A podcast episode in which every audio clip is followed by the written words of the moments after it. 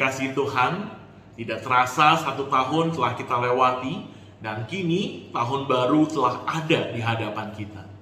Banyak hal yang telah kita lewati di sepanjang tahun 2021. Ada hal-hal yang mendatangkan tawa dan sukacita, namun juga ada hal-hal yang membawa duka cita maupun tangis. Mungkin sebagian dari doa-doa kita telah dijawab oleh Tuhan. Namun sebagian lagi dari doa kita masih terus kita menantikan tangan Tuhan bekerja dan menjawabnya. Satu persatu masalah Tuhan telah menolong kita melewatinya. Namun di hadapan kita di tahun 2022 masih ada masalah-masalah yang harus kita hadapi. Dengan pertolongan Tuhan kita yakini kita akan melewati dan menyelesaikannya.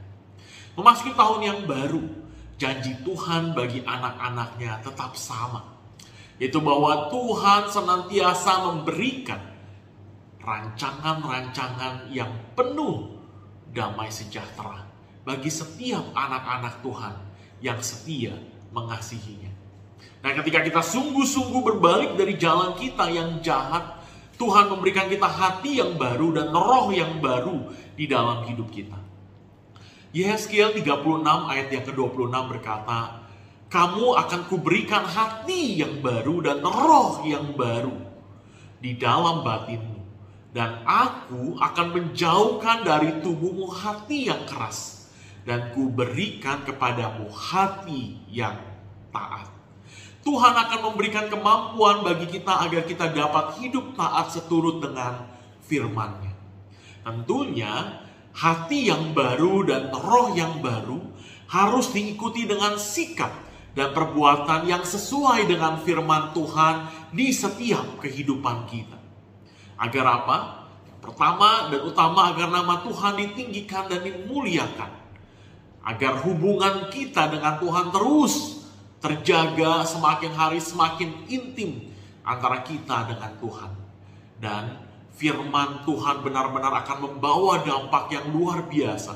Bukan hanya bagi kehidupan kita, tetapi juga bagi orang-orang yang ada di sekitar kita. Dan dalam tahun yang baru ini kita semua juga pasti rindu untuk melihat janji-janji Tuhan digenapi. Jawaban-jawaban doa dipenuhi dan masalah-masalah dapat diselesaikan dengan pertolongan Tuhan. Oleh karena itu dengan hati yang baru, ada beberapa hal yang harus kita lakukan dalam menyambut tahun yang baru ini agar janji-janji Tuhan dapat digenapi di dalam hidup kita.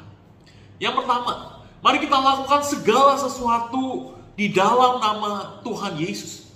Kalau setiga ayat yang ke-17 berkata, dan segala sesuatu yang kamu lakukan dalam dengan perkataan atau perbuatan, lakukanlah semuanya itu di dalam nama Tuhan Yesus sambil mengucap syukur oleh dia kepada Allah Bapa kita.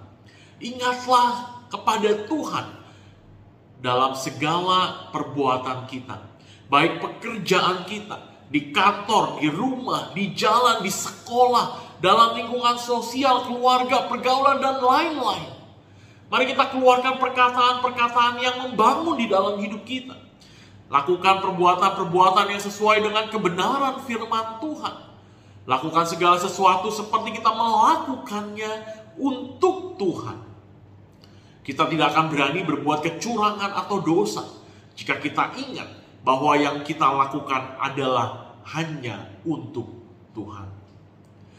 Mazmur 91 ayat 14 sampai 16 berkata, "Sungguh hatinya melekat kepadaku, maka aku akan meluputkannya. Aku akan membentenginya sebab ia mengenal namaku.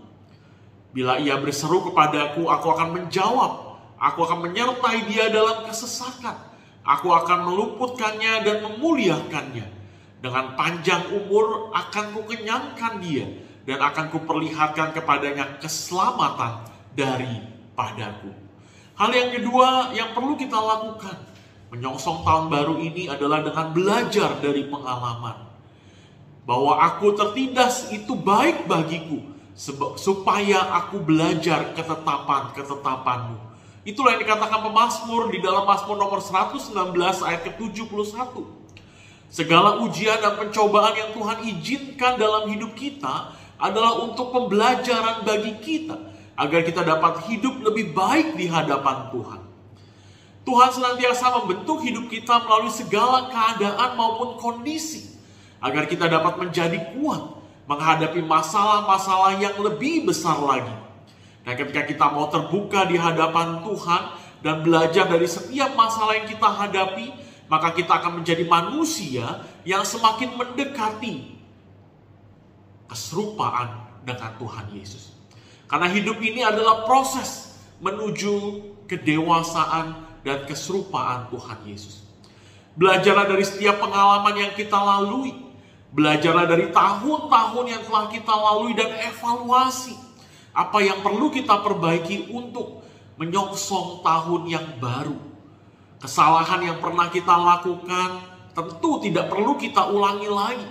Dan kebaikan yang telah kita lakukan biarlah dapat lebih lagi dikerjakan di dalam tahun-tahun yang baru agar nama Tuhan ditinggikan, dipermuliakan dan banyak orang kemudian mendapatkan berkat dan percaya kepada Tuhan. Dan hal yang terakhir yang bisa kita lakukan di dalam menyongsong tahun baru agar janji Tuhan nyata di dalam hidup kita adalah kita menyertakan iman di dalam setiap perbuatan kita. Dalam Yakobus 2 ayat yang ke-17 dikatakan demikian juga halnya dengan iman jika iman itu tidak disertai dengan perbuatan, maka iman itu pada hakikatnya adalah mati. Keyakinan, iman, dan kehidupan doa harus selalu diimbangi dengan perbuatan. Karena iman tanpa perbuatan adalah iman yang mati. Sedangkan iman yang disertai dengan perbuatan akan menghasilkan mujizat, akan menghasilkan karya Tuhan yang indah di dalam kehidupan kita. Seringkali ketakutan senantiasa menghalangi kita untuk melangkah dengan iman. Pikiran dan logika selalu bertolak belakang dengan iman yang kita miliki. Tetapi ketika kita menyingkirkan segala ketakutan dan mulai melangkah dengan iman, maka kita akan melihat hasil yang luar biasa dari perbuatan yang kita lakukan hanya untuk Tuhan. Ketika kita takut untuk melangkah atau berbuat sesuatu, maka kita telah kehilangan kesempatan untuk berhasil. Mungkin juga ketika kita melangkah kita akan menemui kegagalan. Tetapi kita tidak tahu apa yang akan terjadi ketika kita tidak mulai untuk melangkah. Keberanian berbuat sesuatu akan mendatangkan kemungkinan untuk berhasil dalam kehidupan kita. Dan sesuatu yang dilakukan berkali-kali dengan tekun akan membuat kita menjadi mahir. Sehingga persentase keberhasilan akan menjadi semakin besar.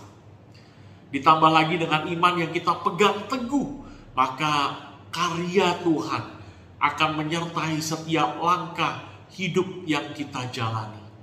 Pengkhotbah 11 ayat yang ke-6 berkata, Taburkanlah benihmu pagi-pagi hari, dan janganlah memberi istirahat kepada tanganmu pada petang hari, karena engkau tidak mengetahui apakah ini atau itu yang akan berhasil, atau kedua-duanya sama baiknya. Jemaat yang dikasih Tuhan, sambutlah tahun yang baru dengan penuh keyakinan.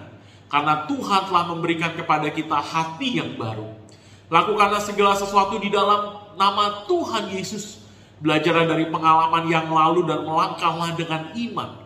Maka kita akan melihat janji-janji Tuhan digenapi dalam hidup kita pada tahun yang baru ini. Kiranya Tuhan memberkati setiap kita di sepanjang tahun 2022. Tuhan Yesus memberkati.